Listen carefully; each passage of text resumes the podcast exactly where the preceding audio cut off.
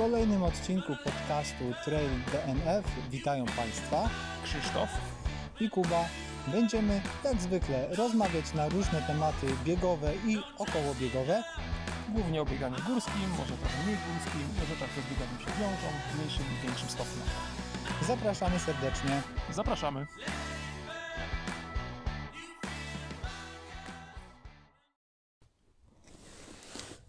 Serdecznie witamy Was w 14 odcinku podcastu Trail DNF. Witają Was Kuba. I Krzychu. Jeżeli zastanawiacie się, y, że tak macie wrażenie, że coś, coś się wydarzyło, coś jest inaczej, zaszła jakaś zmiana, to macie całkowitą y, słuszność. Y, otóż nagrywamy w naszym nowym studio wyposażonym w W high-endowe mikrofony. tak, high-endowe mikrofony. Proszę Państwa, to nie jest nawet jeden mikrofon, to są aż dwa mikrofony, y, które doskonale zbierają nasze wszystkie y, częstotliwości. I mamy nadzieję, że e, z wielką przyjemnością posłuchacie kolejnego odcinka naszego bajania, w którym porozmawiamy o o różnych rzeczach związanych z bieganiem i prawie związanych z bieganiem. i nie tylko z bieganiem.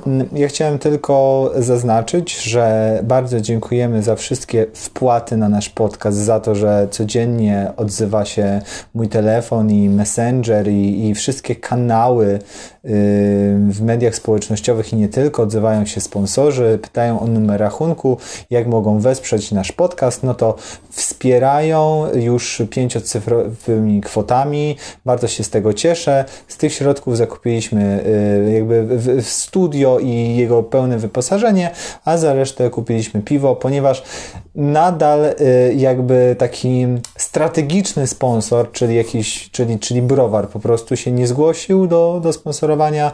Pozdrawiam dzisiaj serdecznie y, browar Pinta oraz browar zakładowy, ponieważ pierwsze piwo, jakie wypiję dzisiejszego wieczoru, to jest piwo tak zwany kolab. Y, W świecie piwnym modne są y, w, w ostatnim roku kolaby, czyli piwa ważone w, jakby w, przez dwa browary, które się umawiają i taki kolab wypuszczają, no to to jest kolab ym, browaru Pinta, serdecznie pozdrawiam, po raz już naprawdę enty oraz y, browar zakładowy, którego jeszcze nie pozdrawiałem chyba, ale tym bardziej pozdrawiam. Uwaga, teraz będzie piękny dźwięk, mam nadzieję, że mikrofon to super zbierze. Ach, i to wszystko jest y, nie bez przyczyny, te piwa i tak dalej, ponieważ ja jako osoba doskonale zorientowana w, w światowych trendach podcasterskich zauważyłem, że najlepsze podcasty biegowe to są takie, y, gdzie y, prowadzący y, Jest po spożyciu alkoholu. piją piwo albo inne napoje alkoholowe, wtedy rozmowa nabiera dodatkowego kolorytu i bardziej się klei i wydaje się, że te podcasty mają szczególnie dużo odtworzeń i myślę, że to jest przyszłość. Myślę, że to jest przyszłość. Ja bardzo przepraszam, będę wierny swoim zasadom i będę obniżam, obniżał poziom odcinka. A Będziesz obniżał poziom Jechał na e, trzeźwo. e, tego e, upojenia alkoholowego. Ja mam wrażenie, że słuchacze już wiedzą, że ty jesteś bardzo monotematyczny, jeśli chodzi o działkę sponsorską. I cóż, yy, żaden browar jeszcze nas nie sponsoruje, ale jeśli jakaś fabryka jedzenia dla kotów na przykład chciałaby zasponsorować nasz podcast, to ja bardzo serdecznie, serdecznie zapraszam. Właśnie przełykałem. Proszę, następnym Ja razem. oczywiście nie mam zamiaru konsumować jedzenia dla, dla kotów podczas dla kotów. nagrania, ale gdyby ktoś chciał wspomóc nasz podcast jedzeniem dla kotów, to ja serdecznie zachęcam do tego. Może na przykład umówimy się i jak już wrócą imprezy biegowe, to na przykład pojawimy się na, na mecie jakiejś imprezy, taki będziemy mieć transparent, że tam podcast Trade DNF i każdy z nas będzie miał swój koszyk z supermarketu i ty będziesz zbierał puszki z kocim żarciem, a ja puszki z piwem. Doskonale. Podkreślam puszki z piwem, a nie po piwie. Dobrze, to może już za, zacznijmy. E, no cóż, jak nasi słuchacze na pewno wiedzą, większość imprez biegowych jest nadal odwoływana i przekładana, więc Poza tym my jakoś niespecjalnie się skupiamy na tym, żeby być na bieżąco ze wszystkimi wydarzeniami biegowymi, a raczej traktujemy bieganie jako pretekst do ciekawej rozmowy. Wydarzenia sobie znajdziecie w internecie. Tak. Y, Dlatego dzisiaj znowu mamy kilka takich wydarzeń okołobiegowych. Czy jest coś, od czego byś chciał zacząć? Tak, ja bym chciał zacząć od złożenia samokrytyki. Auto da fe.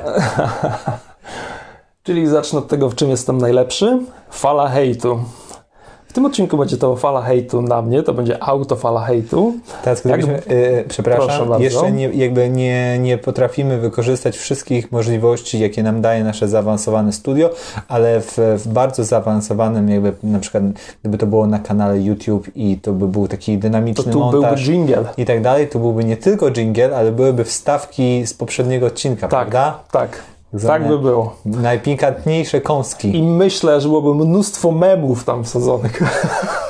Otóż być może niektórzy pamiętają, jak to w zeszłym odcinku, w ogóle cały zeszły odcinek w moim wykonaniu to była jedna wielka fala hejtu i między innymi oberwało się panu Marcinowi Miotkowi, który przed wyprawą pani Gorzkowskiej na K2 stwierdził, że ta wyprawa jest najbardziej niepoważną wy- wyprawą w historii himalaizmu. Ja wtedy brałem w obronę panią Gorzkowską, brałem w obronę w tą, tą wyprawę i perorowałem ze swadą, że pan Marcin Miotk nie ma prawa przed wyprawą twierdzić, że coś jest niepoważne. I okazało się, że no cóż, jak ta wyprawa się skończyła, tak się skończyła. Każdy może sobie sprawdzić, doczytać i sam może sobie wyrobić opinię na ten Sprawdźcie temat. sobie w internecie. Sprawdźcie sobie w internecie. Następny temat. Natomiast okazało się, że fala hejtu skierowana przeze mnie w kierunku pana Marcina Miotka napotkała na solidny falochron i zostałem, zostałem tą falą hejtu obryzgany od stóp do głów. Ponieważ po powrocie pani Gorzkowska udzieliła mnóstwo wywiadów. Wydaje mi się, że tych wywiadów było troszkę za dużo one były, te wywiady były dość kontro, zawierały dość kontrowersyjne treści i tak naprawdę ja już nie chciałem, tro, znaczy trochę chciałem, trochę nie chciałem wracać do tematu. Myślałem, żeby się może troszeczkę pokajać, a może przemilczeć. Natomiast kiedy przeczytałem jedno zdanie w wywiadzie z panią Gorzkowską na Onecie, to stwierdziłem, że no nie mam wyjścia i muszę złożyć samokrytykę. Muszę stwierdzić, że Muszę, rzeczywistość przyznała rację, rzeczywistość zdecydowanie przyznała rację panu Marcinowi Miotkowi, ponieważ pani Magda Gorzkowska, tutaj cytat, powiedziała Kiedyś w historii były przypadki, że dosypywano innym osobom coś do jedzenia, by się ich pozbyć. W ten sposób zasugerowała, znaczy wskazywała na domniemane powody yy, no, s- w- z- zbyt wczesnego, przedwczesnego zakończenia wyprawy. I powiem szczerze, że to rzeczywiście tutaj idealnie pasuje sformułowanie to jest niepoważne. W związku z tym Podsumowując, uważam, że pan Marcin Miotk e, wykazał się e, um, umiejętnościami wręcz profetycznymi i ostatni akord, e, akord medialny wyprawy Magdaleny Gorzkowskiej na K2 jest, co by tutaj dużo nie mówić, niepoważny. Niniejszym hejtuje samego siebie. Spoglądam w kierunku y, pianina, które stoi w studio, ponieważ jest to studio nagraniowo-muzyczne. Tak. I chciałbyś zagrać jakąś podcasty. przygnębiającą melodię w molowej tonacji. Nie chciałem powiedzieć, że ten ostatni akord wybrzmiał dysonansem. Tak, wybrzmiał dysonansem. Jeżeli w muzyce istnieje w ogóle dysonans, ale to może y, temat na inny, inny odcinek Tak. innego podcastu. Cała ta wyprawa zaczynała się lekko spontanicznie, lekko krejzolsko, a skończyła się medialnie groteskowo. Dobrze, zamykamy temat. No, ja jestem prostym człowiekiem. Proszę bardzo. No nie? Y, I himalaizmem się interesuje średnio. No nie? Tak jak piłką nożną się interesuje średnio, jak są Mistrzostwa Świata albo nasi grają, to se włączę, ponieważ każdy pretekst, żeby wypić piwo jest dobry, a mecz piłki nożnej jest jednym z najlepszych. To jest idealne. Y, Jedno piwo na, przepraszam, każdą połowę. To przynajmniej dwa piwa, jedno w przerwie, to trzy. Tak, a jeżeli jest dogrywka i ka- ojej, to wtedy jest dopiero. Y, W każdym razie, no dla mnie wyprawa pani Gorzkowskiej była y, nie wiem, jakoś istotna czy ciekawa, dopóki się toczyła, no nie? W momencie, kiedy jakby usłyszałem czy przeczytałem, że Po wszystkim. tak, że wracamy do domu. No mówię, dobrze, mówię sobie, dobrze, no to wracamy do domu, a ja wracam do innych zajęć. Tak.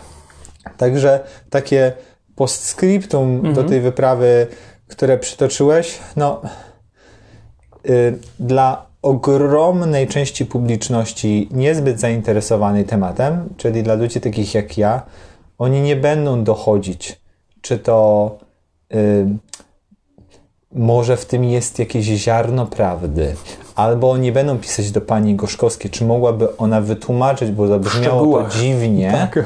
no nie? Tylko y, podrapiemy się trochę po głowie i no, będziemy wspominać panią Gorzkowską jako osobę chyba jednak nie do końca poważną. Y, No, osobę, która pewnie będzie bardziej znana z mediów niż z dokonań wyprawowych. Chociaż dokonanie wyprawowe przed wyprawą na K2 miała bardzo solidne i tutaj czapki z głów.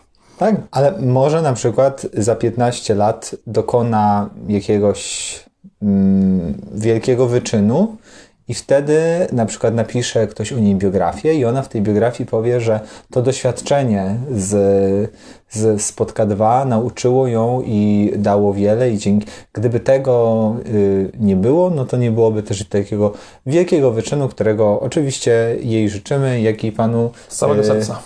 Miotkowi. Tak? Tak. Dobrze. Dziękujemy. Świetnie. Zamykamy temat. Aha, dobrze. No dobrze.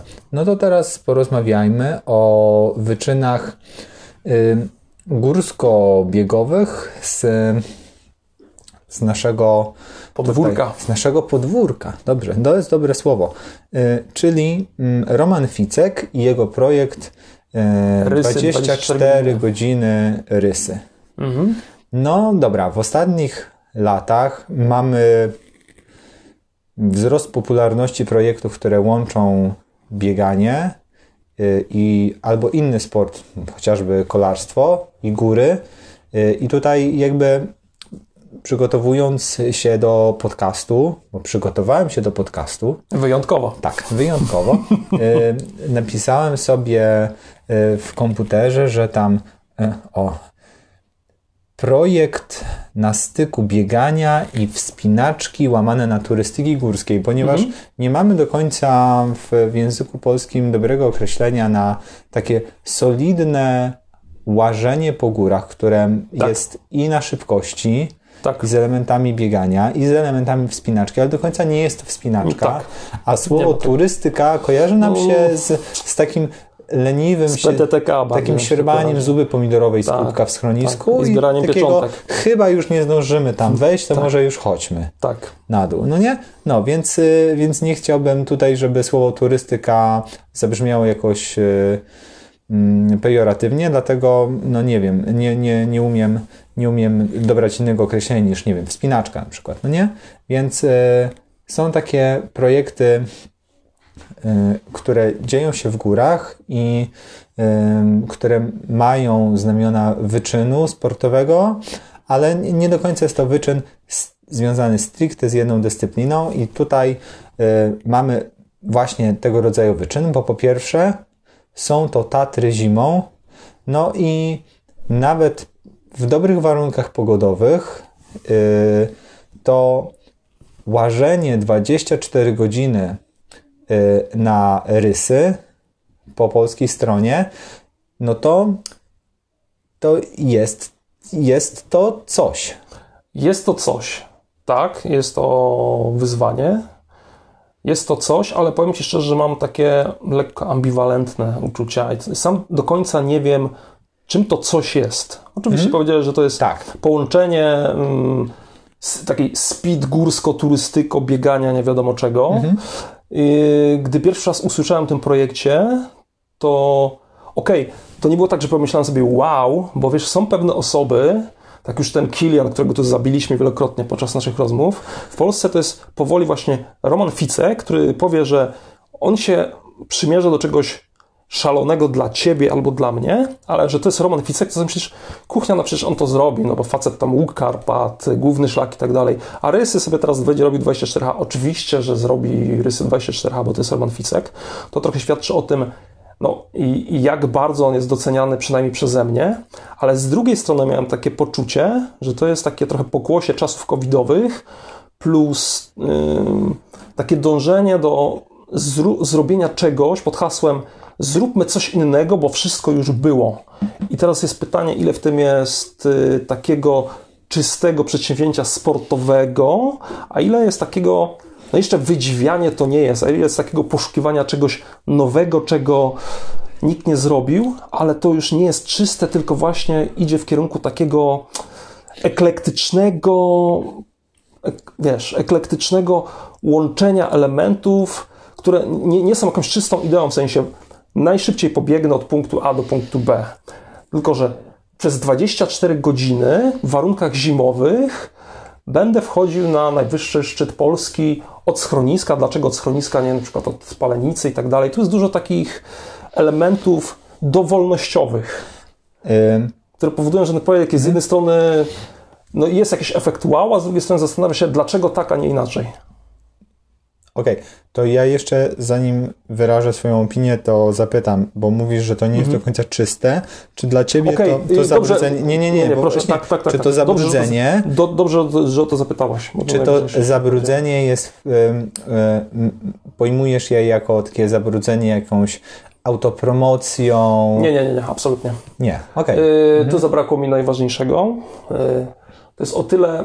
Yy, wiesz, tutaj dochodzi sytuacja, e, która związana z każdym wyczynem w warunkach zimowych lub tak zwanych zimowych, bo jeśli zakładamy, że ja chciałbym zrobić coś najszybciej na świecie, to oczywiście będę czekał na warunki idealne i to będzie może lato, to może będzie wiosna, albo to będzie moment, kiedy te warunki są dobre. A teraz pytanie, czy to, że on to robił zimą, to chciał, żeby było trudniej, czy chciał, żeby było, nie wiem, ciekawiej, a jeżeli chciał, żeby było trudniej, bo to była zima, to dlaczego robił to w marcu, dlaczego nie zrobił tego, nie wiem, 27 grudnia czy 3 stycznia?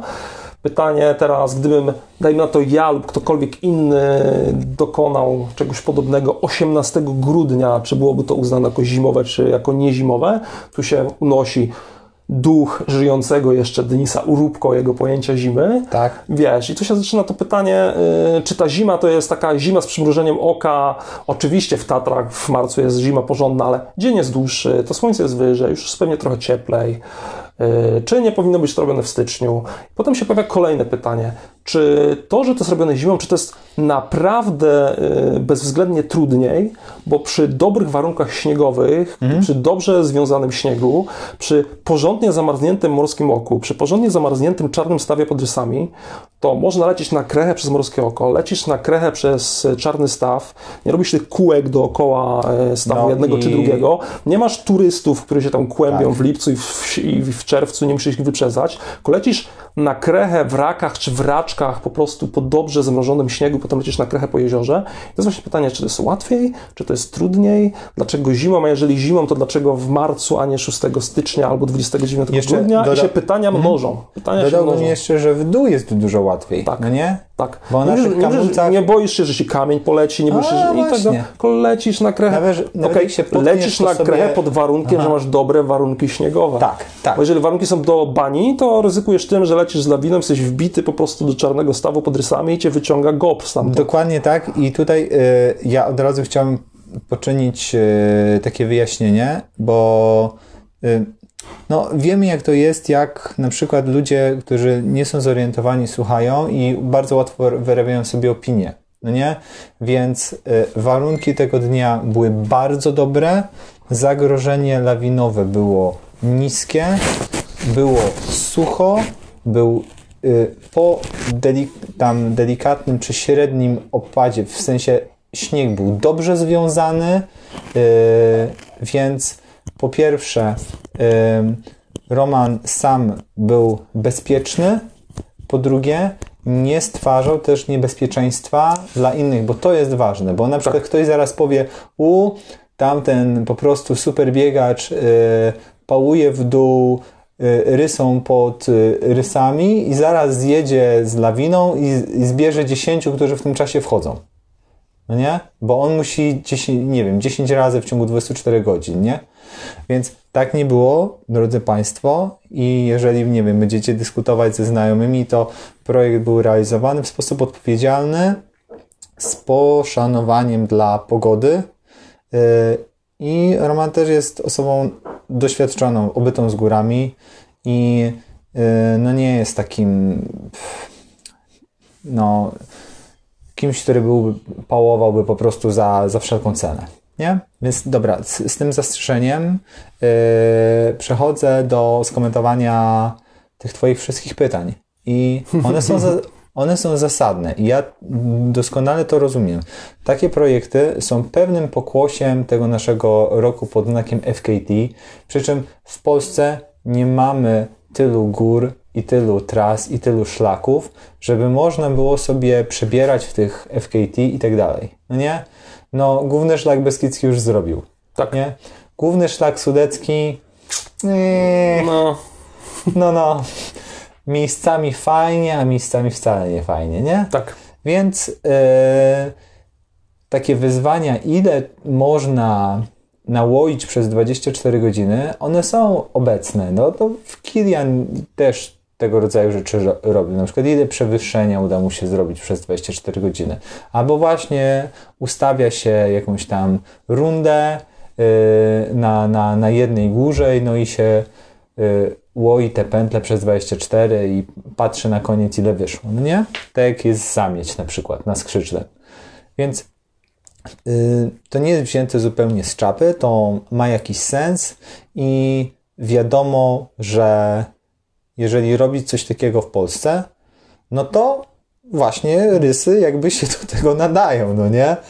No, w końcu jest to najwyższy szczyt w Polsce. Dlaczego yy, z Moka, a nie z Palenicy Białczańskiej? No, Romek mówił, że no, nie interesuje go bieganie tych tam 8 km po asfalcie ileś tam razy, no bo po- połowę czasu spędził, no nie, może nie połowę, ale jakąś znaczny, znaczny procent tego czasu spędzonego nad projektem spędziłby po prostu depcząc ten asfalt w jedną i w drugą stronę. Jest to zupełnie niepotrzebne, no nie? O, Tak, tutaj jest, głową, jest to, sprawa- ja teraz sprawa to uwaga, jest to kiwanie głową. Zakiwanie głową, które może coś mówi, może nic nie mówi, Mhm. ale wiesz, to jest pytanie, jak bardzo miał być to projekt biegowy, jak bardzo miał być to projekt górski. Oczywiście decyzja należy do autora i Jasne. wykonawcy. Jasne i tutaj zaznaczmy, że istnieją, istnieje takie lekkie ściganko się i takie rekordy właśnie wbiegnięcia na rysy i one są realizowane ze startem w Palenicy. To owszem. I ta, ale tam jest jakby chyba ma to więcej sensu w sensie takim, że robisz to raz, no i ten rozbieg do moka to jest właśnie taki rozbieg, no nie? Że najpierw musisz tam już się mocno zgrzać na tym asfalcie, że tam jest trochę pod górę, ale nie aż tak bardzo, no ale tam, Ale no, jednak. no ale jednak, no i potem, potem zmoka na rysy. No okej, Ym, gwoli takiego, taki kronikarski obowiązek spełniamy. Ym, Roman Ficek wystartował o godzinie 13, e, więc łoił w ciągu dnia, potem w nocy, e, skończył o 11.30 dnia następnego, kiedy to ukończył dziewiątą rundę, no i stwierdził, że nie, Nie zrobi tego dziesię- dziesiąty raz, więc e, powiedział stop, więc mamy 9 razy e, morskie oko, rysy, morskie oko, morskie oko 63 km, około 10 tysięcy przewyższenia. No ładnie. Także takie mamy, takie mamy dane. Ym, I tutaj ym, chciałbym też wspomnieć o, o tym, że na pewno z tego będzie jakiś materiał filmowy, bo już, jakby już w trakcie projektu tam pewne małe urywki zostały, y, zostały opublikowane. Y, Wideo zajmował się Łukasz Malinowski ze szczytografii, więc wiem, Pamiętamy. więc wiemy, że, że to będzie piękne. Y, Kochani słuchacze, jeżeli nie widzieliście, y, spróbujcie z, z sobie wklepać, nie wiem czy to jest na profilu facebookowym Romana Ficka, czy na szczytografii, ale no odnalezienie tego zajmie Wam dosłownie dwie minuty.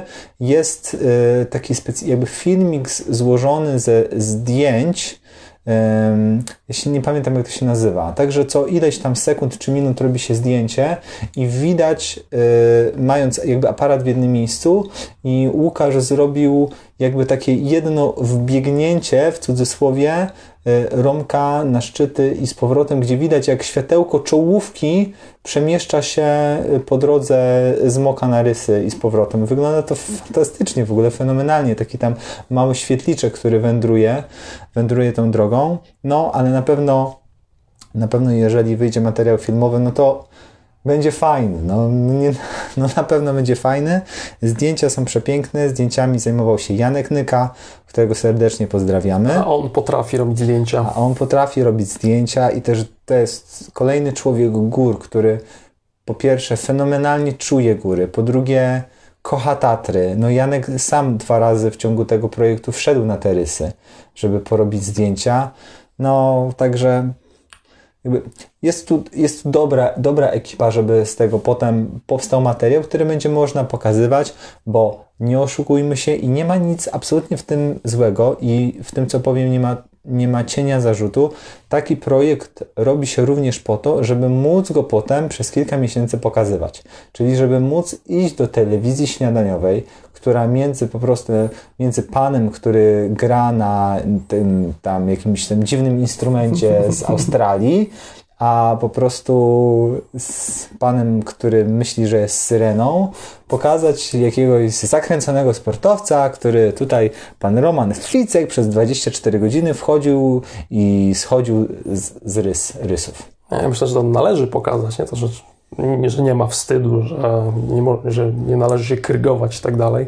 Przy takiej pogodzie zimą polskie Tatry wyglądają pięknie. Znaczy, okay, należy to pokazać. Oczywiście, że należy pokazać, tylko w tym, e, w tym, co powiedziałem, że robi się po to, żeby to pokazywać, chodzi no już o taki wymiar promocyjny, czy taki, że no jakoś żyć trzeba prawda? No dla Romana Ficka bieganie i, i, i, i góry, no to jest y, duża część jego życia, jego pracy, więc no, trzeba wymyślić jakiś sposób, żeby, żeby no, monetyzować ten, tę swoją pracę.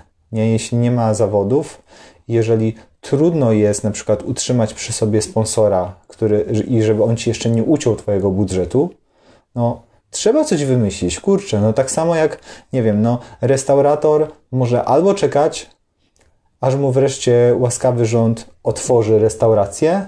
Może dzisiaj, może za dwa tygodnie, a potem znowu zamknie, albo może za rok, nie wiadomo, no nie? Albo, nie wiem, może wymyślić, że po prostu yy, otwiera i tyle, nie? Jak przyjdzie sanepid, to będzie się kłócił. Yy, albo na przykład wymyśli, że teraz będzie udostępniał przestrzeń do coworkingu. No, coś trzeba robić i ci biegacze też coś muszą robić, więc ja tutaj nie mam żadnego problemu z tym. Ja też nie, to jest oczywista oczywistość. Naprawdę, osobiście, zamiast oglądać y, pana, który myśli, że jest syrenką, albo pana, który gra na dziwnym instrumencie z, z, z Australii, to wolę oglądać w telewizji śniadaniowej y, Romana Ficka, chociaż i tak nie oglądam telewizji śniadaniowej, więc chyba ten, ten fragment się wytnie bez, bez sensu. Nie, nie, nie. Ja tylko czekam, aż on wystąpi w telewizji śniadaniowej i pani prowadząca zada pytanie, czy tak bez spania to zrobił. To będzie ten moment. Mm -hmm. No dobrze. Uśmiecham się, uśmiecham się pod wąsem, ponieważ na mojej karteczce mam wspomniany drugi projekt zimowy tak. który właśnie się toczy. Ja, ja, chciałem tą zimą trochę spiąć, taką klamrą zimową, zimową we dwa projekty. Dobrze, to zostawmy sobie to na koniec. Dobrze, okej. Okay. okay. Bo pytanie byłoby dokładnie to samo. A, dobrze, to jeszcze Was podtrzymamy, Bo... drodzy słuchacze, troszeczkę w niepewności. A tymczasem przeniesiemy się y, z zimy w, w zaawansowaną wiosnę, w, w dużo cieplejsze y, klimaty, bowiem na Wyspy Kanaryjskie. Cisza. Ja nie to byłem to... nigdy jeszcze. Wszystko przede mną. Ja też nie, ale dzięki temu, że, y, że mamy internet i Facebooka i nasi zawodnicy udostępniają sporo materiałów z obozów treningowych. Y, to bywam na Wyspach Kanaryjskich dosyć często, y, bo Polacy upodobali sobie y, tamte rejony na obozy treningowe przed sezonem w ostatnich latach, a w ostatnich dniach na Gran Canaria odbyła się jedna z większych imprez w, w corocznym kalendarzu imprez górskich czy trailowych. No i chyba największa impreza tej y, ery pandemii koronawirusa, czyli Trans Gran Canaria.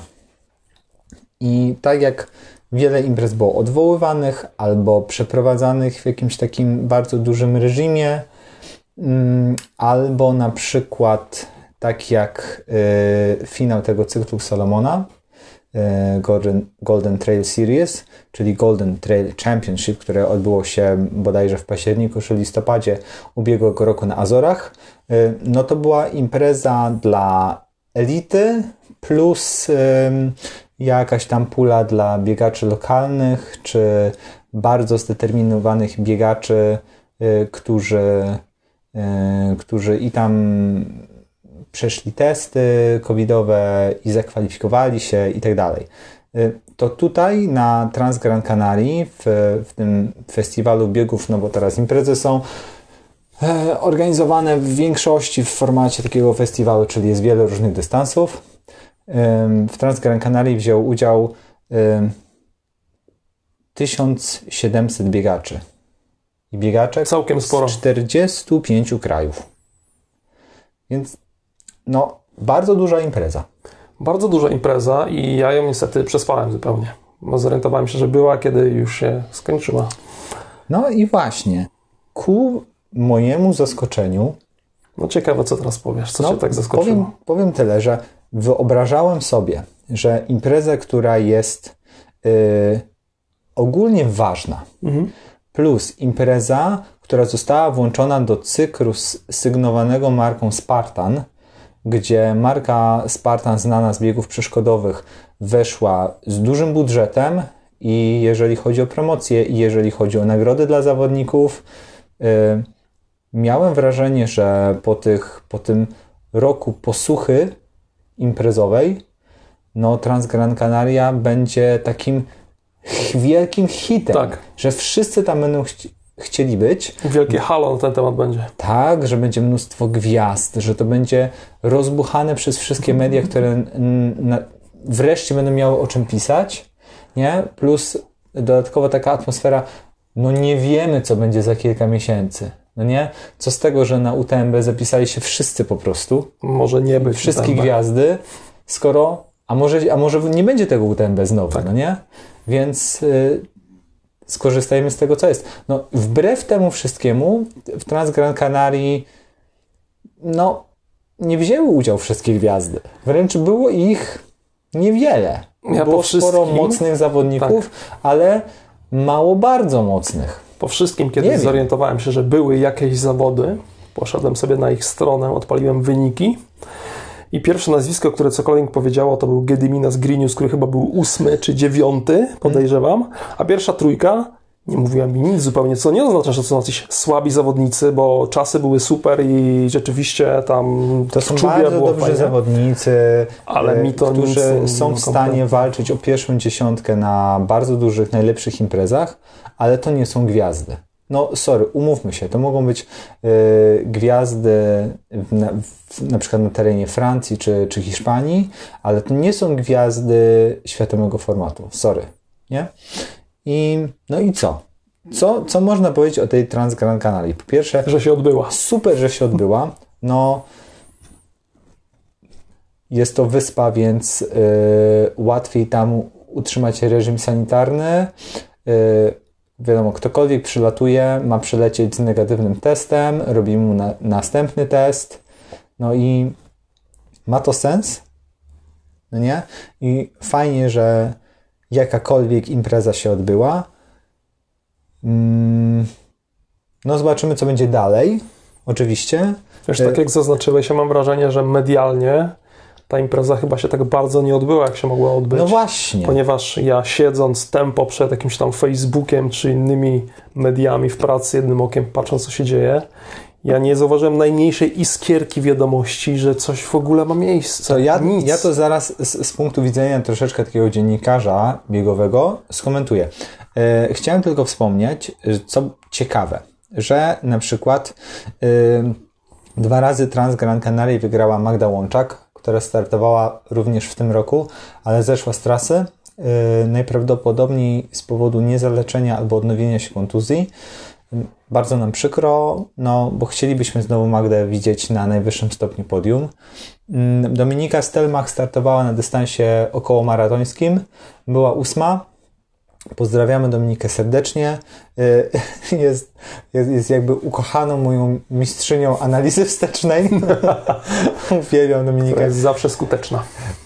Y, Analiza jest zawsze skuteczna. Mhm. Natomiast y, nie jestem w stanie, musiałem się jakby bardzo, bardzo mocno wgłębić w to, żeby móc cokolwiek powiedzieć, czy to ósme miejsce jest dobre, bardzo dobre, czy znakomite.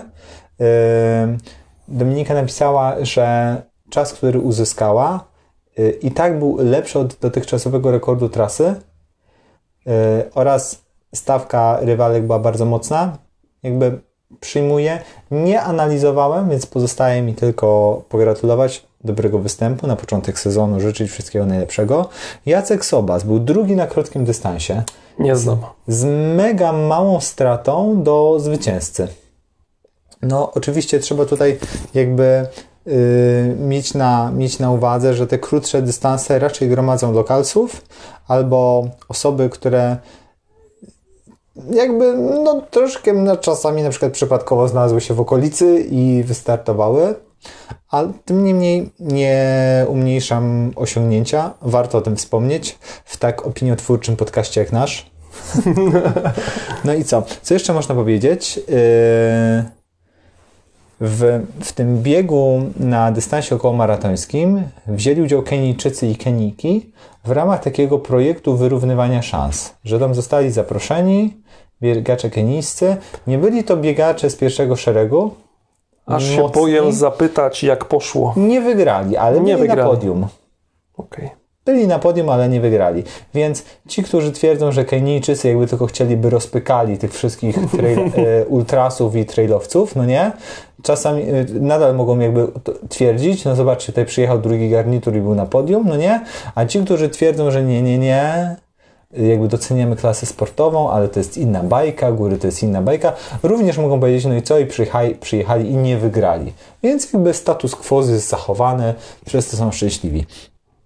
Więc tyle mam do powiedzenia, jeżeli chodzi o imprezę Trans Gran Canaria, ale jest to ciekawe, to co ty poruszyłeś, czyli że y, nie będąc specjalnym takim geekiem trailowo-górskim, biegowym, nie śledząc tych wszystkich biegackich mediów, no nie widziałeś zbyt, zbyt wielu informacji o Trans Gran Ja Canaria. żadnych informacji nie widziałem. No i to jest grubszy temat, ponieważ okazuje się, y, tutaj według mnie y, jest kilka czynników, dwa główne, które dały taki efekt.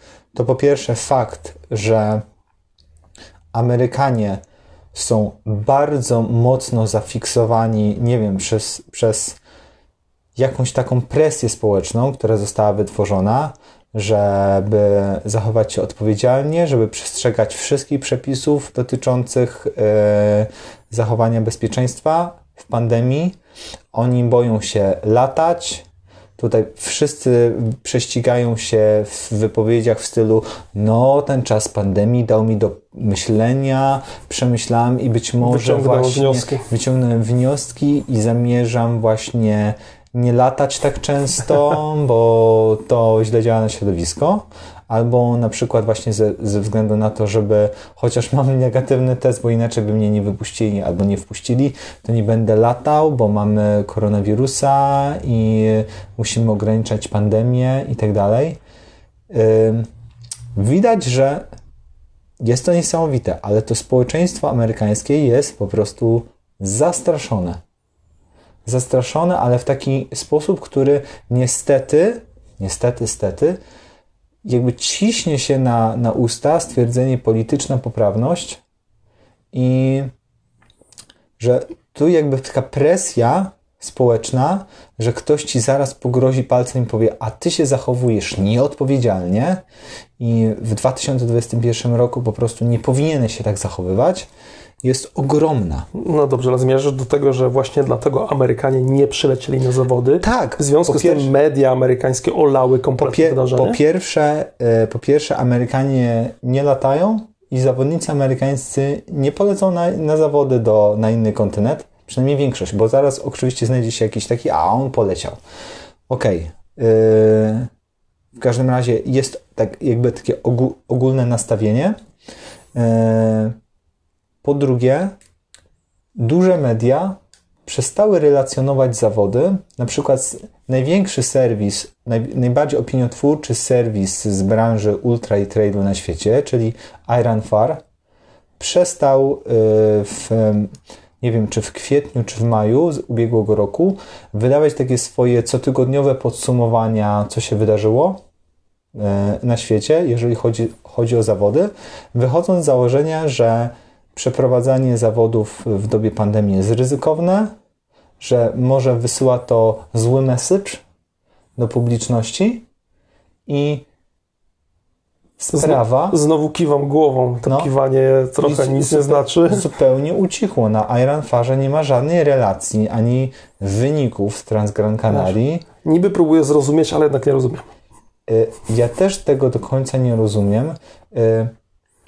Będąc, pracując w mediach, tworząc jakieś medium, powinieneś relacjonować rzeczywistość. Rzeczywistość akurat wygląda w tej chwili tak, że są zawody. Dlaczego o tym nie mówisz? Dlatego, że. No, no i właśnie. Okej, okay, to nawet. Okej, okay. możesz zaznaczyć, że nasi amerykańscy zawodnicy nie polecieli, bo A, B, C są takie takie powody, no ale jednak zawody się odbyły. Międzynarodowe, ważne zawody się odbyły. Mhm. Nie wiem, napiszmy o tym. E, Przecież o czymś trzeba pisać. Myślę, że boją się tego, że część ich rodzimej publiczności, która mhm. również płaci im w jakiś sposób, ich finansuje, no nie? E, czasami bezpośrednio wpłacając, czasami pośrednio subskrybując jakieś treści, a czasami pośrednio, pośrednio komentując pozytywnie albo tworząc dobrą atmosferę, zacznie komentować negatywnie i powie: Uważam, że w tak ważnych i przełomowych czasach media powinny dać wyraźny jakby statement na temat rzeczywistości i nie relacjonować zawodów, ponieważ zawody nie powinny się odbywać.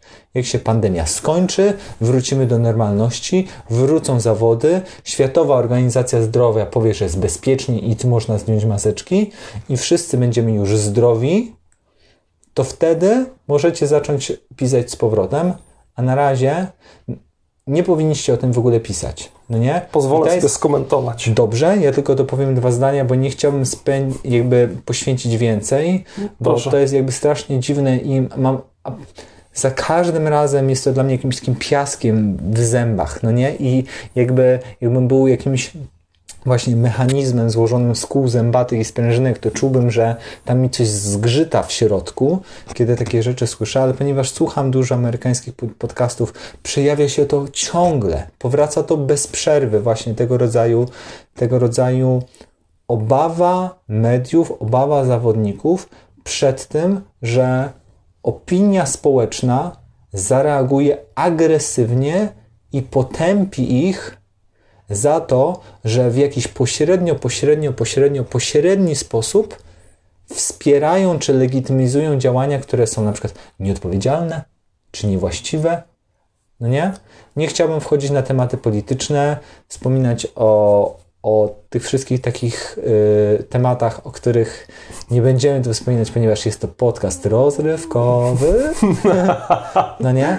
Ale spotykam się z tym często i Rozumiem, że tego nie rozumiesz. Ja też tego nie ja rozumiem. Raczę to bardzo krótko skomentować. Ponieważ wiele razy to powracało, no to w pewnym momencie jakby przekonałem się, dotarło do mnie, że tam to bardzo mocno istnieje i jest na tyle jakby ma na taką potęgę, że media przestają relacjonować zawody, że zawodnicy wprost mówią nie, nie, nie, dopóki się to nie uspokoi, to ja nie będę latał. Skomentuję bardzo Wzdycham. krótko. To jest absurd. Koniec komentarza. Tyś powiedział. Dobrze. Myślę, że ty byłeś bardzo blisko, aby użyć sformułowania absmak. Ja też coś na ab użyłem, jest to absurd. Także, żeby prze, przełamać ten absmak, ja dokonuję y, tutaj rytualnego Ur, uroczystego otwarcia. Uwaga, ponieważ będzie to inny dźwięk. Uwaga. No.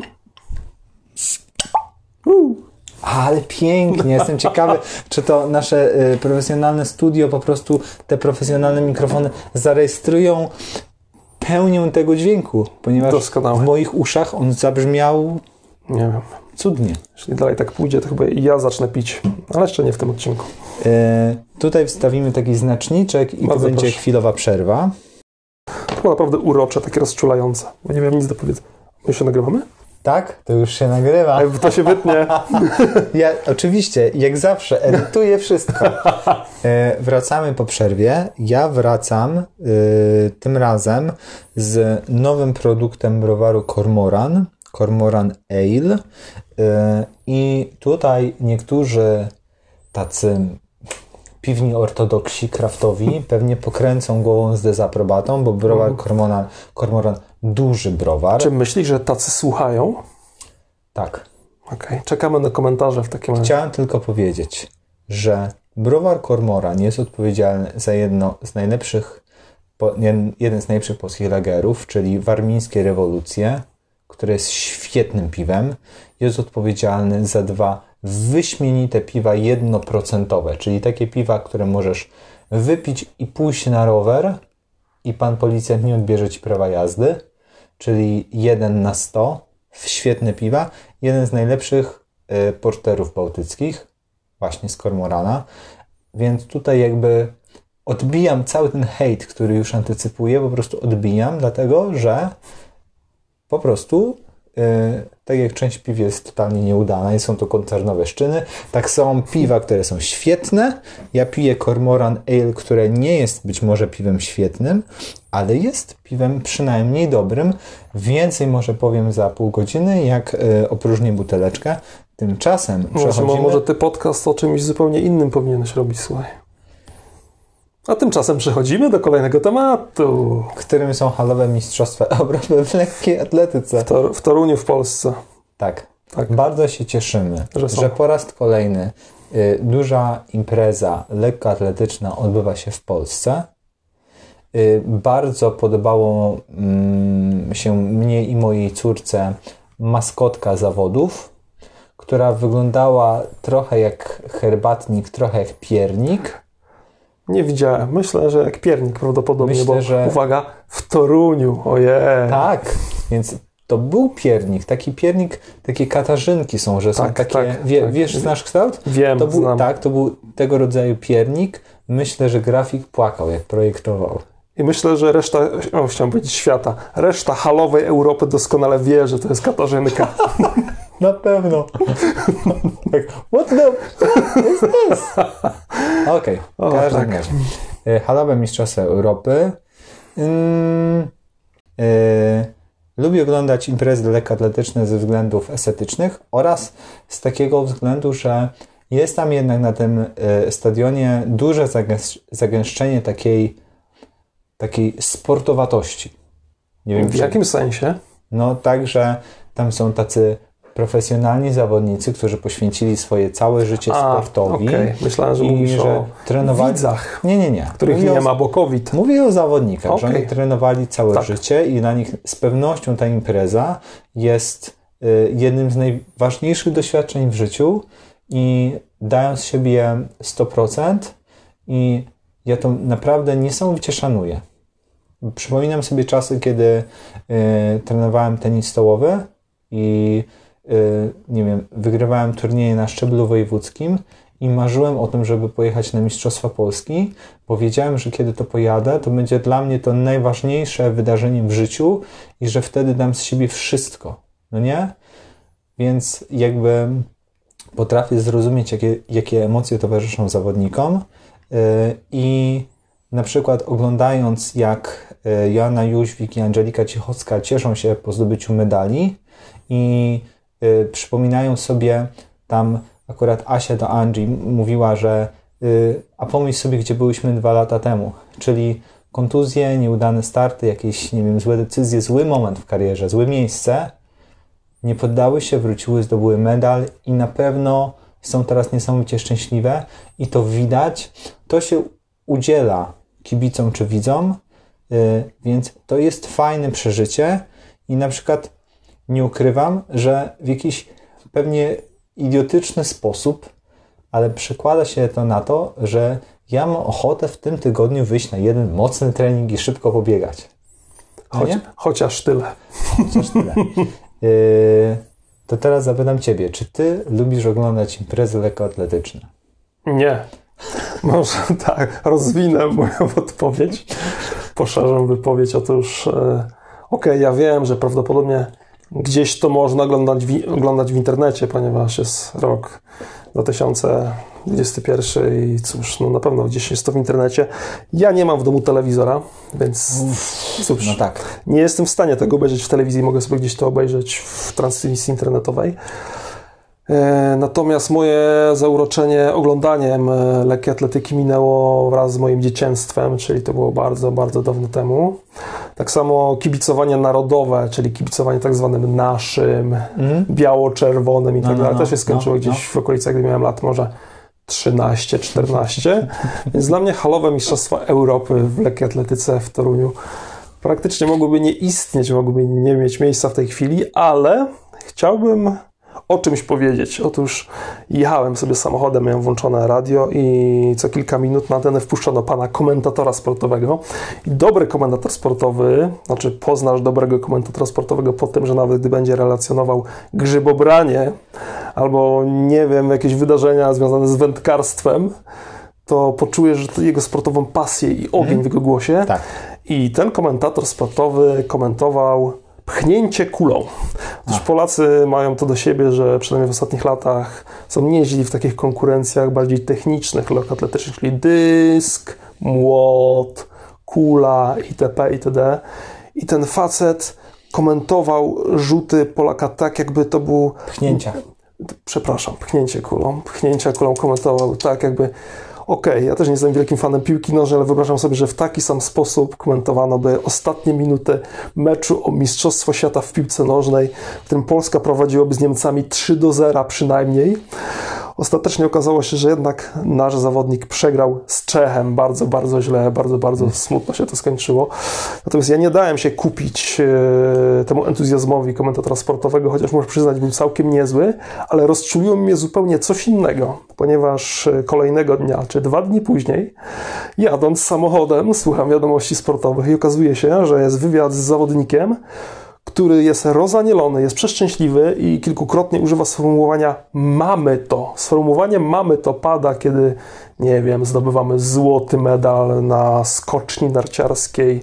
Mamy to, to jest właśnie złoto, to jest zwycięstwo i tak dalej. A tu się okazało, że facet zdobył brązowy medal w siedmioboju i był najszczęśliwszym facetem na świecie, ponieważ mm. mówił, że czekał na to chyba bodajże 12 lat, kontuzje, ciężka praca i tak dalej. I w końcu ma ten wyśniony, wymarzony, brązowy medal Mistrzostw Europy. Mamy to, mamy to. I to było takie rozczulające. Mhm. Yy, skomentuję. Proszę. W ten sposób, że szanuję osobiste historie. No nie? Bo być może historia tego gościa jest niesamowita, że nadaje się na film.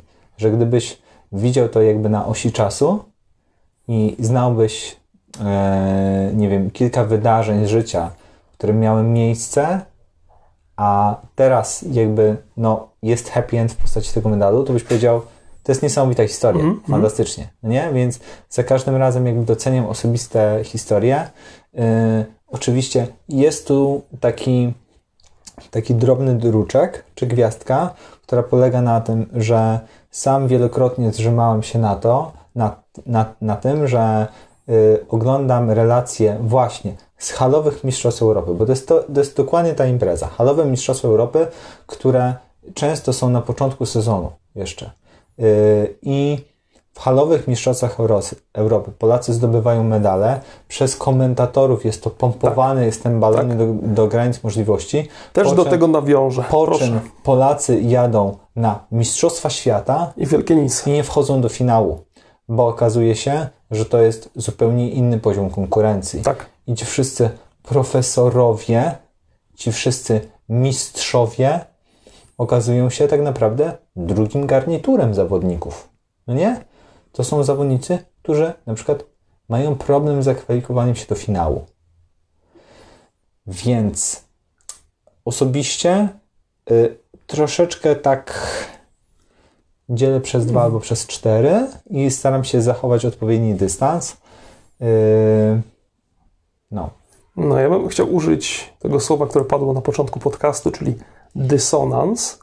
Otóż wiem, że są oczekiwania głównie ze strony komentatorów, pewnie działaczy, też kibiców, żeby Polska zajęła pierwsze miejsce w tabeli medalowej na zakończenie Mistrzostw Europy, a plan minimum to jest pierwsza trójka, no tak naprawdę powinniśmy wygrać, powinniśmy mieć, zająć pierwsze miejsce w tabeli medalowej, bo nikt tam nie fiknie, ewentualnie może trochę Wielka Brytania, a potem długo, długo, długo, długo nikt.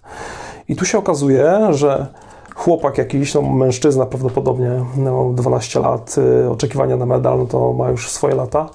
I nagle on przeszczęśliwy opowiada o brązowym medalu, który prawdopodobnie przez komentatorów, przez działaczy, przez kibiców byłby zupełnie zlekceważony. Być może jest zupełnie lekceważony, bo on w tabeli medalowej nie znaczy prawie nic. To jest jeden brązowy medal, a dla tego faceta to był powód do przeogromnego szczęścia. Ja się tak. naprawdę cieszyłem szczęściem człowieka, którym o którym jeszcze kilka minut wcześniej kompletnie nie wiedziałem, nie miałem pojęcia o jego istnieniu.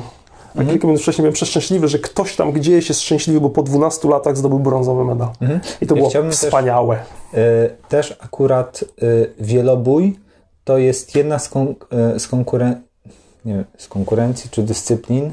Z konkurencji, dyscyplin, konkurencji. Właśnie, czy, czy to ma jakieś znaczenie? Składa się z konkurencji. No, w każdym razie, siedmiobój jest tą, dajmy na to, konkurencją lekkoatletyczną, którą y, wielobój ogólnie. Tak. Bo czy to będzie siedmiobój na hali, czy dziesięciobój na otwartym stadionie, jest taką konkurencją, którą darzę szacunkiem, dlatego, że w gronie tych zawodników wytwarza się szczególna więź. To znaczy, oni naprawdę tam stają się przyjaciółmi i rywalizują, ale y, ci dziesięcioboiści, czy ogólnie wieloboiści, oni mają niesamowitą sztamę, no nie? Że na zakończenie tych zmagań oni czują, że przebyli jakąś przygodę razem i teraz ona się zakończyła, ale na końcu oni są inni niż na początku.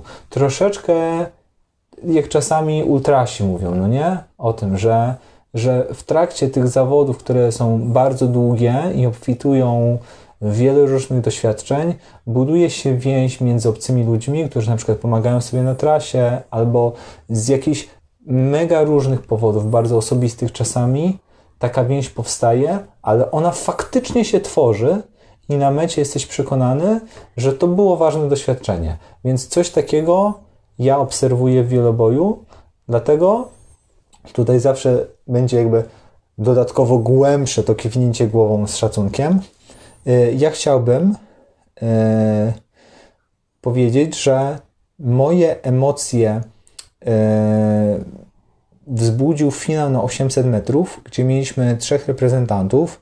Ja sobie tutaj troszeczkę sprawdzam, ponieważ nie chciałbym na przykład pomylić nazwisk. w każdym razie. Tak, słuchacie fachowego, profesjonalnego podcastu na temat biegania i nie tylko. Mhm. I yy, w tym biegu yy, brał udział faworyzowany Adam Kszczot, który ostatecznie po drobnej kolizji yy, nie zmieścił się na podium. Trzeci był jejku, Brytyjczyk? Nie, nie wiem, czy Brytyjczyk. Może Brytyjczyk. Sprawdzę to tutaj, będzie napisane. Nieważne. W każdym razie y, srebrny medal zdobył y, Mateusz Borkowski, a pierwszy był Patryk Dobek i to są dwa, ok znaczy dwa okrążenia bieżni na otwartym stadionie, czyli cztery okrążenia bieżni w hali. No nie? I to jest bardzo dynam dynamiczna konkurencja, gdzie to są te biegi średnie, gdzie nie biegnie się już po torach, więc jest taka tak. rywalizacja, że tam pójdą łokcie, albo ktoś kogoś tam podetnie, czasem Czy, czy ja wy... mógłbym Ci przerwać, teraz bardzo chciałbym Ci przerwać. No. Ja, ja raz, raz, w życiu biegłem 800 metrów na okay. zawodach. Były, były to akademickie Mistrzostwa Polski i to była jedna z najsłabszych serii, ale okej, okay, to było 800 metrów. No. I ja już żyję dostatecznie długo, żeby mieć przyjemność lub nieprzyjemność przeżyć różne rzeczy, właśnie przyjemne i nieprzyjemne. Ale 800 metrów w słabej serii na akademickich Mistrzostwach Polski był jednym z najgorszych przeżyć, przeżyć mojego życia. Mhm. Najgorszych. Rozumiem. Yy, dla widza fajne jest oglądanie tak. tych 800 metrów, dlatego że no, to są niecałe dwie minuty. Tak, dzieje się bardzo dużo. Dzieje się bardzo dużo. Yy, właśnie nie biegnie się po torach, więc jest ta rywalizacja bark w bark. Yy, no i tutaj zawodnik, który nie był faworytem, zdobywa złoty medal. Dla niego jest to najważniejsze wydarzenie. W ogóle coś się dzieje, bo na, to był naprawdę takie, taki moment autentycznych emocji, że, yy, że tak jak yy, ja też nie mam takiego, wiesz, hej, biało-czerwoni i nie mam takiej koszulki skitranej w szafie, którą, wiesz, że zakładam na, na oglądanie. Bo nasi, y nasi startują. Tak, czy. Czyli twoi czy, i moi, nasi. Tak, czy nie wyciągam wuwuzeli, nie? Z, tam z podłóżka, czy, czy nie, nie, nie robię takich, takich czarów, ale w tym, w tym momencie autentycznie serce mi mocniej zabiło i było takie fajne, po prostu. Yy, chłopak, na którego nikt nie stawiał, jeżeli chodzi o złoto, zdobywa złoto. Tak. nie? I takie jest. Hmm? No, naprawdę. I są jakieś emocje. Jest to właśnie ten sport, impreza, on tam na finiszu wycina rywali i w ogóle jest, jest tym bohaterem. Więc to mi się podobało. Yy, oprócz tego, że my gadamy o sporcie i na przykład relacjujemy to, co się wydarzyło pod względem sportowym, no to często rozmawiamy o tym, yy, nie do końca na przykład co się wydarzyło, ale jak się mówi albo pisze o tym, co się wydarzyło, bo to czasem jest ciekawsze od samych zdarzeń. Ależ oczywiście. I tutaj, bo nie wiem, nie wiem, czy to do Ciebie dotarło, ale była taka śmieszna sytuacja. Był y, bieg na 1500 metrów, w którym mieliśmy faworyta naszego, czyli Marcina Lewandowskiego. Faworyta naszego, nie do końca mojego, ale naszego, yy, którego pokonał Jakob Inge, Ingebrigtsen. A, jakaś inba była, bo chyba go zdyskwalifikowali inba. za co. Tak, tam. ponieważ w walce on się tam mocno przepychał, mhm. no nie? Potem nas wystąpił stopą na chwilę poza tor, więc został chwilowo zdyskwalifikowany. On był na mecie pierwszy, Lewandowski był drugi, ale potem był protest i został przywrócony i ostatecznie on zdobył złoto, Lewandowski srebro. No, czy to jest ciekawe, czy to jest emocjonujące, nie wiem, w porządku. W każdym razie ciekawe było to, że oczywiście automatycznie uruchomiła się cała armia wujów, szwagrów, którzy natychmiast po prostu zakładają kapelusz znawcy lekki atletki. I hama. Dyskwalifikacja słuszna, przepisy to przepisy, a potem znawcy atlet lekkiej atletyki z cyklu taka jest lekka, to są biegi średnie, tu jest walka, tu są przepychanki, takie rzeczy są na porządku dziennym. Kto ma rację? Uwaga, nie mam zielonego pojęcia. Nie wiem, czy dyskwalifikacja była słuszna, czy protest był uzasadniony, co się wydarzyło. Było to ciekawe? No, no było, bo coś się działo, ale najśmieszniejsze było potem, yy, dzień czy dwa potem, brat y, Jakoba Ingebrigtsena wrzucił na Twittera bodajże zdjęcie listy startowej na 3000 metrów, na której był Jakob Ingebrigtsen, ale Marcin Lewandowski i drugi Polak Rozmysł byli jakby wycofali się z tego biegu. I on to skomentował, ha, boicie się? Coś takiego. I to było takie słodkie. O, rety. Redakcja jednego z czołowych polskich portali biegowych, bieganie.pl Właśnie do tego służy internet. Wrzuciła na media społecznościowe właśnie screena z tego, z tego tweeta i y, takie czy to zachowanie Henrika Inge, Ingebrigtsena jest sportowe. Licuje z godnością Licuje z godnością, takie rzeczy. I tam Oj. znowu ta sama armia szwagrów, wujów w, w komentarzach się uruchomiła. O, karę mu dać. Karę mu dać. W ogóle tamten powinien być zdyskwalifikowany, ten jest w ogóle hamem tak. i tam Polacy jeszcze im pokażą, czy coś takiego. Nie. Straszne rzeczy, oh. straszne rzeczy. No. Także może porozmawiajmy o czymś przyjemniejszym. Yy, może o tym drugim z zimowych projektów biegowych, które Tak, znowu zima, czy zima, nie do końca zima, może zima, trochę zima. Tak, Góral z Mazur pokonuje główny szlak beskidzki zimą. Ja myślałem, że on już go pokonał wcześniej, ale okazało się, że on zaczął 5 marca bodajże i jeszcze go pokonuje.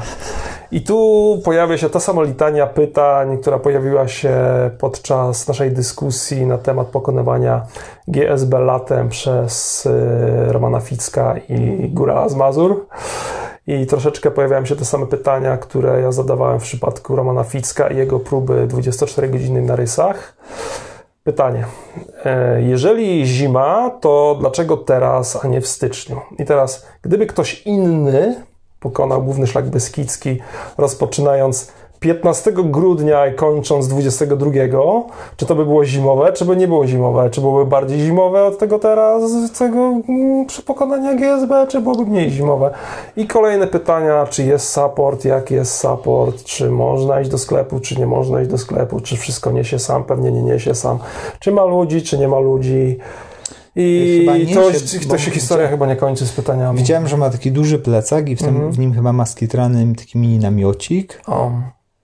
Y, ale wiesz co? No bo to jest tak, że y, widzę, że jest taki projekt, mówię mhm. no dobra, okej, okay. Mm, może jest jakiś szczególny pomysł na to i tak dalej. I mówię sobie tak, Kuba, nie bądź hejterem. No właśnie, nie bądź hejterem. Kuba, zobacz, jak się, zobacz, jak się sytuacja rozwinie, no nie? Albo weź, weź na wstrzymanie, y, może więcej informacji dałoby ci lepszy ogląd projektu i tak dalej. Po czym widzę filmik, jak y, góra z Mazur tam przedziera się przez nieodśnieżony szlak, nieprzetarty, no nie? I jakby te wszystkie odpowiedzialne i, i poważne, jakby takie zastrzeżenia zostają usunięte w mózgu przez jedno zasadnicze pytanie. Jakie to jest pytanie? Pytanie, po co? Ja może tak, no, ja gdzieś podskórnie czuję to pytanie, po co? Chociaż ja mam podejście trochę takie, że okej, okay, on to zrobi w jakimś bardzo dobrym czasie, jak na warunki, które tam są na trasie. Będzie to opisane w necie jako zimowy rekord przejścia GSB. Oczywiście ten mały mikrokosmos e, wokół, zgromadzony wokół góra Mazur będzie się bardzo cieszył. Wszyscy będą, wiesz, pisać mistrz i tak dalej, wspaniałe osiągnięcie. A my to po prostu myślę odfajkujemy i zaczniemy się interesować czymś zupełnie innym. Ja myślę, że to nie pozostawi jakiegoś głębszego śladu w świadomości no może nie wiem, co ja mogę wiedzieć na temat większości odbiorców i e, większości obserwatorów, ale to też jest takie trochę, wiesz, wrażenie, że obserwuję coś, co ktoś wymyślił, bo akurat nie miał nic innego do roboty. No to to robi. Nie wiem, nie, nie umiem sobie tego poukładać w głowie i też, żeby troszeczkę się usprawiedliwić yy, przed słuchaczami, to jest trochę taki, taki moment, no nie? Gdzie na przykład, kiedy my toczymy takie rozmowy w samochodzie, to na przykład za, zapala pięciominutowa cisza, no nie? Nie wiem, ktoś zmienia stację w radio, ktoś sobie tam yy, wyciąga kanapkę albo batona, po pięciu minutach ktoś coś znowu powie, albo na przykład yy, zmienimy temat na zupełnie inny, bo takie są prawa takiej luźnej rozmowy, natomiast, natomiast prawa podcastu są, są takie, że nie możemy teraz przez 5 minut Nic tutaj teraz milczeć i razem z, z, Chociaż spróbujmy. ze, ze słuchaczami jakby kontemplować rzeczywistość. Y, Jeżeli ym, słuchacze są zainteresowani tego rodzaju podcastami, to jesteśmy w stanie polecić. o nie. Oj. Oj, oj, oj, oj, oj. Znaczy, z drugiej Kiedyś, strony... ober, kiedyś oberwę za to uwagi. Okej. Kiedyś oberwę za te, za te przytyki i takie, takie złośliwości. Z drugiej strony można powiedzieć, że nie wiem, może wiesz, autor tego pomysłu i wykonawca też ma jakichś sponsorów, coś musi robić. Musi robić zasięgi w sieci, musi robić zamieszanie, musi się pojawiać gdzieś tam w informacjach, że coś robi, coś się dzieje. Więc on dlatego to robi, bo gdyby nic nie robił, to by się o nim nie mówiło, a że coś robi, to o nim mówimy. I teraz okej, A jedno. Yy, No, no, no. Jedna ważna sprawa, żeby też nikt nie odniósł takiego błędnego wrażenia. Za każdym razem, kiedy ja mówię na temat przedsięwzięć typu, nie wiem, rysy 24 godziny, zimą GSB, czy też przedsięwzięcia, o których rozmawialiśmy wielokrotnie w przeszłości, to nie jest tak, że sobie myślę, a ja bym to zrobił lepiej, ja bym to zrobił szybciej. Nie, ja bym tego nie zrobił lepiej, ja bym tego nie zrobił szybciej, ja bym tego pewnie w ogóle nie zrobił, jestem za cienki. Ja doskonale wiem, że ja nie przykładam tutaj, nie wiem, swojej miary do tego przedsięwzięcia, bo moja miara ma się nijak do GSB zimą. Natomiast ja mówię o samym takim e, projekcie, o idei z punktu widzenia niezaangażowanego albo no, mało zaangażowanego obserwatora i próbuję sobie odpowiedzieć na pytanie, czy to mnie jakoś rusza, czy to gra we mnie jakąś struną, czy... Dokładnie tak. Nic, po prostu dla mnie to jest informacja w stylu jutro będzie 4 stopnie w dzień i minus 3 w nocy i będą opady, a na głównym szlaku beskidzkim ktoś właśnie, nie wiem, snuje się w okolicach Limanowej. No, to jest mniej więcej coś takiego. To świetnie, że to dodałeś. No bo ja sobie wyobrażam, że na przykład Góral z Mazur y, może po prostu bardzo kochać główny szlak Beskidzki. Na przykład. I na przykład może być tak, że ja nigdy nie dotrę do takich pokładów y, determinacji, motywacji, czy po prostu, nie wiem, miłości do ich i do jakiejś wizji gór, no nie? Albo do jakiegoś konkretnego odcinka czy trasy w górach, którą on już zna, której on już doświadczył i po prostu to, co czasami rozmawiamy, posłużę się wyrażeniem, którego ty używasz, że na przykład coś ciebie woła. Być może ten, to GSB go woła, Tak. no nie? A on, tak, albo jak jest to wielkie, jest ten wielki cytat z Johna Mura, nie? Że the mountains are calling and I must go, nie? Czy góry wołają i muszę iść, no nie? Być może to GSB go ciągle woła, nie? I to jest tak mocne doświadczenie, że na przykład on nie jest w stanie się mu oprzeć i właściwie nie powinien, odpowiada na to, Tak. no nie? I że to jest najwłaściwsza rzecz dla niego, jaką on jest w stanie zrobić. Ja tylko do, jakby utrafiłeś dokładnie w sedno, że z pozycji kogoś niezaangażowanego, czyli, Tak. czyli nie odczuwającego tych samych emocji, no nie? Tak. Patrzymy sobie na to i myślimy po co.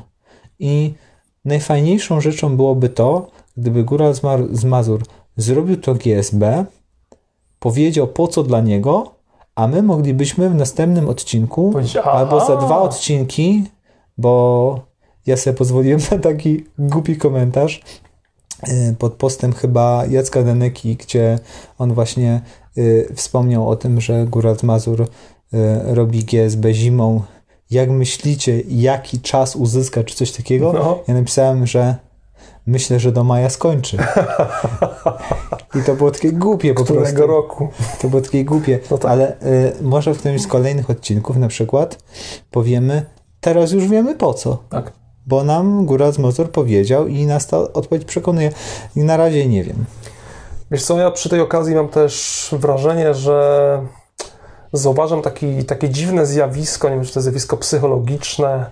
Prawdopodobnie tak, to jest zjawisko psychologiczne. Otóż kiedy pierwszy raz czytałem czymś takim jak pokonanie GSB, to prawdopodobnie było w King Runnerze Ultra i to było chyba zdaje się Kamil Klich z kimś robił, o ile, no to jak przez mgłę, już pamiętam, być może Tak, to nie on, e, może to było... Bliźniacy na głównym szlaku Tak. beskidzkim. Kamil Klich i Tak. Rafał Bielawa. Tak, dokładnie tak. Ja to czytam, mówię, kurde, jak główny szlak, ale wyrypa w ogóle. I to mi się wtedy wydało takie, wiesz, wielkie, to był, wiesz, kawał szlaku, setki kilometrów. To był taki, taki spiżowe dokonanie, pomnik trwalszy od spiżu, postawiony, bo pokonali to Czy ja GSB. mogę jeszcze do, coś do tego dołożyć? Proszę bardzo. Ja pamiętam, że przy tej okazji, jakby ja się jakoś zagłębiłem w temat i dotarłem do relacji przebycia GSB przez Piotra Kłosowicza. Mhm. I sama ta relacja była jednym z takich, no myślę, że to jest rzecz, którą trzeba zamknąć w kapsule czasu i wysłać w kosmos. No nie? Jako dokonanie Polaków, bo no, No i zmierzam, zmierzam do tego, że od tego czasu główny szlak beskidzki nie skrócił się ani o kilometr, o metr, o milimetr się nie skrócił szlak, główny szlak beskidzki, a w związku z tym, że my ciągle jesteśmy GSB to, GSB siam to, GSB owam to, a tu GSB takie, GSB owakie, próba taka, próba śmaka, próba owaka, nagle w mojej psychice to GSB skurczyło się do rozmiarów takiego no nie, że głupoty, czy czegoś, co trzeba lekceważyć, to jest kolejna rzecz, o której ty ciągle słyszysz i to jest jak taka rzecz na półce, którą przedstawiasz z prawa na lewo, że ona tam jest, trochę jej nie ma, trochę na nią patrzysz, trochę ci przykuwa uwaga, czasem nie zapominasz i on się zrobił taki powszedni trochę. Mimo Tak. tego, że on się, tak jak powiedziałem, nie skrócił ani o milimetr i cały czas jest tak samo wymagający. tak, główny szlak powszedni. Główny szlak powszedni się zrobił. Chciałbym wykorzystać ten, ten moment, żeby tak troszkę zapytać naszych słuchaczy. Jeżeli będzie się Wam chciało i w komentarzach y, gdzieś tam na moim blogu, gdzie wrzucę linka do, do nowego odcinka podcastu, gdyby Wam się chciało napisać, jakie są rzeczy, które Was właśnie tak jarają, no nie? I nie jest to zajaranie tym, że słyszycie o czymś pierwszy raz, no nie? Bo jak pierwszy raz przeczytałem o UTMB, no to byłem rozwalony, no nie? Wyobraziłem sobie tę trasę dookoła Mont Blanc i myślę, o lala, to jest y, c'est formidable, ja bym Tak. tak. to, to po prostu musi być przygoda życia i potem już nie ma nic. Tak, Nie? tak, to jest A, takie albo właśnie ten główny szlak beskidzki, pamiętam, kiedy Innovate robił em, y, cały ten projekt z Maćkiem Więckiem, kiedy to on, to ja byłem w to zaangażowany, a faktycznie teraz po kilku latach i po iluś tam y, rekordowych osiągnięciach na GSB, już mnie to tak nie jara, ale chciałbym zapytać y, słuchaczy, bo czasami macie fantastyczne spostrzeżenia i rzeczy, które mnie uderzają i, i, i inspirują. Jakie są takie rzeczy, które was jarają, ale uwaga, no jest właśnie wyzwanie na takiej zasadzie, że to nie może być y, jaranie się czymś, czego jeszcze ktoś nie zrobił, albo zrobił dopiero raz, no nie? I to jest taki urok nowości i taka dzikość i że jeszcze tego nikt nie ujął w ramy. Ale właśnie takie rzeczy, które już funkcjonują, yy, wszyscy o tym wiedzą, wszyscy to znają, a jednak jest w nich coś tak magicznego, że rozpala to świadomość i emocje i, i jest w stanie zajarać takiego właśnie zblazowanego amatora biegackiego, który już po prostu wszystko przebiegł, wszystko widział, wszystkim przeczytał i choć sam nie umie, to po prostu krytykuje. Czekamy, to będzie bardzo ciekawe. Mhm. Y, Było już trochę fali hejtu, to może y, kot odcinka. Kot odcinka. Okej. e, Ja zaproponowałem przed nagraniem, że w tym odcinku wręczymy pośmiertną nagrodę, jeśli chodzi o kota odcinka. Otóż na łono pana odszedł niejaki Aleksander Doba, który z bieganiem nie miał za wiele wspólnego, wspólnego Mhm. ale to był facet, nie wiem jak dla ciebie Kuba, to był gość, który mi w pewnym momencie życia zrobił z mózgu papkę i przerwał mi psychę doszczętnie. No właśnie, Kiedy to, się, proszę Mhm. bardzo. ja właśnie bardzo chciałbym o tym posłuchać, Okej. y, właśnie dlatego, że nie, nie często słyszę tego rodzaju określenia dosyć mocne z Twoich ust i mm, tak jak postać jest mi znana. Y, jestem sobie jakby w stanie uzmysłowić, że przepłynięcie Atlantyku w kajaku bez żagla Tak. i, i pchanie tego kajacz, kajaczka przez, nie wiem, 100 dni, yy, wiosłowanie przez Atlantyk, Tak, jest to wielka rzecz. tak. Tak, no chciałbym, chciałbym od ciebie usłyszeć, jak, jak ty to odbierasz, bo nigdy Dobra. nie, nie interesowałem się y, postacią Aleksandra Doby na tyle, żeby móc poczuć silne emocje. Yy, Okej. To ja przejdę od razu do faktów, to nie będzie żadnego, żadnego bu- budowania dramaturgii. Otóż on trzy razy przepłynął Atlantyk. Ja o nim nie słyszałem aż do momentu, kiedy nie przepłynął Atlantyku i zrobiło się o nim głośno. To ja tylko wtrącę, Proszę. bo zrobiłem mały research i nie wiem, czy wiesz, ale kilka, kilka lat przed y, udaną próbą Tak. on z, z W kimś duecie miał nieudaną próbę. miał nieudaną próbę, Po, gdzie... kilkuna, po kilkudziesięciu godzinach ona się skończyła. No właśnie, to jest Po niesamowite, że godzinach? projekt, projekt Tak. który, który trwa 3 czy 4 miesiące, no nie, bo tyle zajmuje przypłynięcie Atlantyku w kajaku, po dwóch dobach y, kajak przez, nie wiem, silny wiatr czy prąd zostaje zepchnięci jakoś na brzeg. zepchnięci na, brzmi, na brzeg, utracili prowiant i musieli przerwać. Po Tak. prostu był koniec. Niesamowite. Mhm. To, jest niesamowite. Wiesz, mnie i uderzyło. Facet mając, myślę, że wtedy już ponad 65 lat, albo w okolicach 65 lat, przepływa kajakiem Atlantyk, korzystając jedynie z siły własnych mięśni, bo tam nie miał żadnego żagla, żadnego napędu. I mało tego, że trzy razy przepłynął Atlantyk, to raz przepłynął Atlantyk taką trasą pół, po północnym Atlantyku, czyli ze Stanów Zjednoczonych dopłynął do Francji. On nawet miał bliżej do Irlandii, czy w ogóle na, na Wyspy Brytyjskie mógł e, dopłynąć, ale stwierdził, że on przepłynie z kontynentu na kontynent i dopłynął specjalnie do tej Francji, dopłynął, płynąc trasą, e, na której są niestabilne warunki pogodowe, są sztormy, wysokie fale. Więc jeżeli sobie pomyślisz, że jesteś skazany sam na siebie, możesz usnąć, możesz nie usnąć, nie wiem, no tam musisz y, załatwić sobie jedzenie, picie, No zachorujesz, nikt ci nie pomoże. Chciałbym zapytać, Tak. czy ty orientowałeś się, jak te, jak te wyczyny wyglądały, jeśli chodzi o zapewnienie wody pitnej i żywności? E, Wiesz co, nie znam szczegółów, e, natomiast wiem, że on miał e, jedzenie ze sobą w tym kajaku, plus z tego, to, co czytałem w artykule, który słabo pamiętam, bo chyba żywił się rybami, e, w pewnym momencie miał kilkukrotnie problemy podczas tych swoich wypraw. E, Raz miał problemy techni- techniczne z telefonem. E, I gdy wysyłał sygnały o pomoc, nawet były sugestie od przepływających obok statków, że oni po prostu go zabiorą ten statek i koniec. On absolutnie nie chciał o tym słyszeć, tylko chciał, żeby mu pomogli technicznie naprawić, nie wiem, tam uszkodzony telefon czy uszkodzony kajak i płynął dalej. E, Natomiast jeżeli my sobie czasem myślimy, że jesteśmy wielkimi hardkorami, bo biegliśmy w nocy w lesie i do punktu odżywczego mieliśmy 15 kilometrów, a w Bukłaku kończyła nam się woda, to wyobraźcie sobie, że jesteście w kajaku, oczywiście specjalna konstrukcja, ale to jest nadal kajak, jesteście sami, jesteście w sztormie na Atlantyku i robicie wszystko, żebyście nie wylecieli z tego kajaka, bo jeżeli wylecicie, to nikt nigdy nie znajdzie waszych zwłok. Nie, że was żywego, nie znajdzie nigdy waszych zwłok.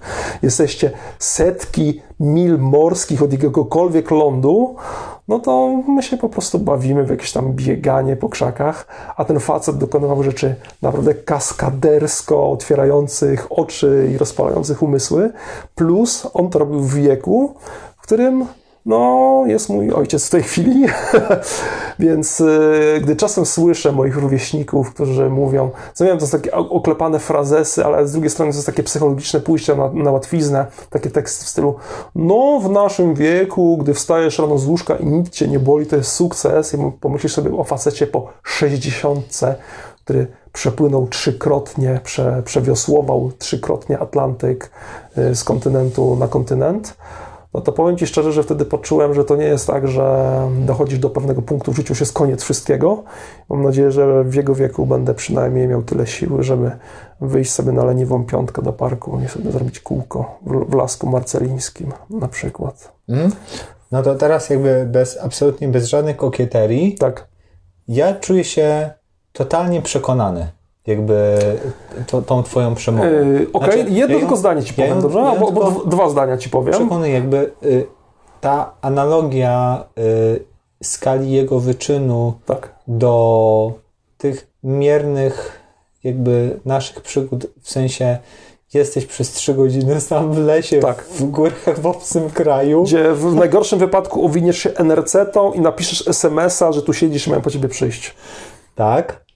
A tam gościu, którego na przykład ryzykuje, znaczy myśli o tym, czy za chwilę ten kajak nie rozpadnie mu się na milion części, bo trzepią go fale, nie wiem ilu metrowej, jak mocna. Tak, plus kwestia wieku, która jest kwestią tak. wrażliwą, ale ta uwaga jest jak, jak najbardziej na miejscu. Tak. To jest niesamowity dramat, że no, my już zbliżamy się do wieku średniego, no nie? Tak.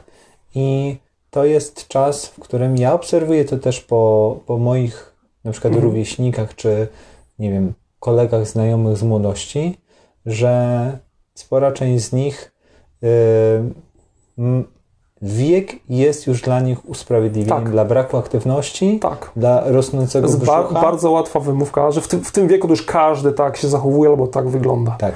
Plus dodatkowo w Polsce jest niestety smutna tradycja przechwalania się tym, na co kto jest chory, kogo co bardziej boli, jakie bierze leki i w Polsce nie uchodzi powiedzieć, że nic ci nie dolega, nic cię nie boli, nie masz problemów zdrowotnych, że nie chodzi do żadnego lekarza, tak. a szczytem marzeń Polaka po pracy to jest działka, lato z radiem i browar ze sklepu. A tutaj facet po prostu po zakończeniu kariery zawodowej, pierwsze co robi na emeryturze to załatwia sobie kajak i płynie, nie wiem, z Afryki, z Senegalu do Brazylii, a kiedy wszyscy mówią, dobra, już więcej tego nie rób, się ciesz, że ty żyjesz, że nie zginąłeś, w ogóle jesteś głupi, to robi jeszcze to dwa razy bardziej niebezpiecznymi trasami. To jest po mhm. prostu świr, to był świr, pozytywny okay. świr. Dlatego, y, mimo że y, ta historia absolutnie nie sprawia, że chciałbym wsiąść do kajaku. Ja też nie. Zupełnie, to jakby rozumiem to, no nie? Dlatego przystawiam stempelek, taki kod odcinka, czuję się zupełnie przekonany. Hmm? No. I tyle. Wyczerpały nam się tematy. Myślę, ja bym chciał to... jeszcze coś o mistrzostwie. Nie, może, może, może w kolejnym odcinku. mistrzostwach? Europy. Dlaczego? Nie, myślę, że czas już kończyć. Hmm? Yy... No dobrze. Nie mamy widoków specjalnie na to, żeby na przykład przez kilka kolejnych tygodni do kolejnego nagrania. Coś, się, coś się działo w ogóle, nie? Miejmy nadzieję, że coś się wydarzyło. Imprezy biegowe. Bo może nic nie będzie. Na przykład pojawi się nowy niesamowity talent, no. który obiega największe gwiazdy, albo że zostanie pobity rekord nie wiadomo czego w nie wiadomo czym, no bo taką mamy dyscyplinę, że tych rekordów nie jest zbyt wiele. Mm, natomiast pewnie powrócimy za kilka tygodni znowu z takimi. Z falą hejtu przede wszystkim. Z, z falą hejtu przede wszystkim, ale z opowieściami, które, które mogą Wam towarzyszyć na, na długim treningu. A w sumie nikogo nie interesują. ale miejmy nadzieję, że przynajmniej przyjemnie się tego słucha. Tak. Bardzo dziękujemy za uwagę. Co złego to nie my. Dziękujemy bardzo. Przepraszamy wszystkich, których obraziliśmy. Niestety nie jesteśmy w stanie obiecać, że to był ostatni raz. A cieszę się, że powiedziałeś, prze, przepraszamy wszystkich, których obraziliśmy, bo to brzmi o wiele lepiej. Przepraszamy, jeśli ktoś poczuł się urażony. Przecież zakładamy, że na pewno ktoś poczuł się urażony. Ponieważ jeżeli będziemy rozmawiać jeszcze przez dwie minuty, yy, przekroczymy. To telefon nie wytrzyma, to już musimy kończyć. godziny. Dlatego z szacunku dla Was, słuchacze, w tym miejscu y, powiemy y, dobranoc. No, no ja do, tylko myślałem, że to będzie najkrótszy odcinek, a okazuje się, że chyba jest najdłuższy, niestety. No to cześć, trudno, cześć. Pa.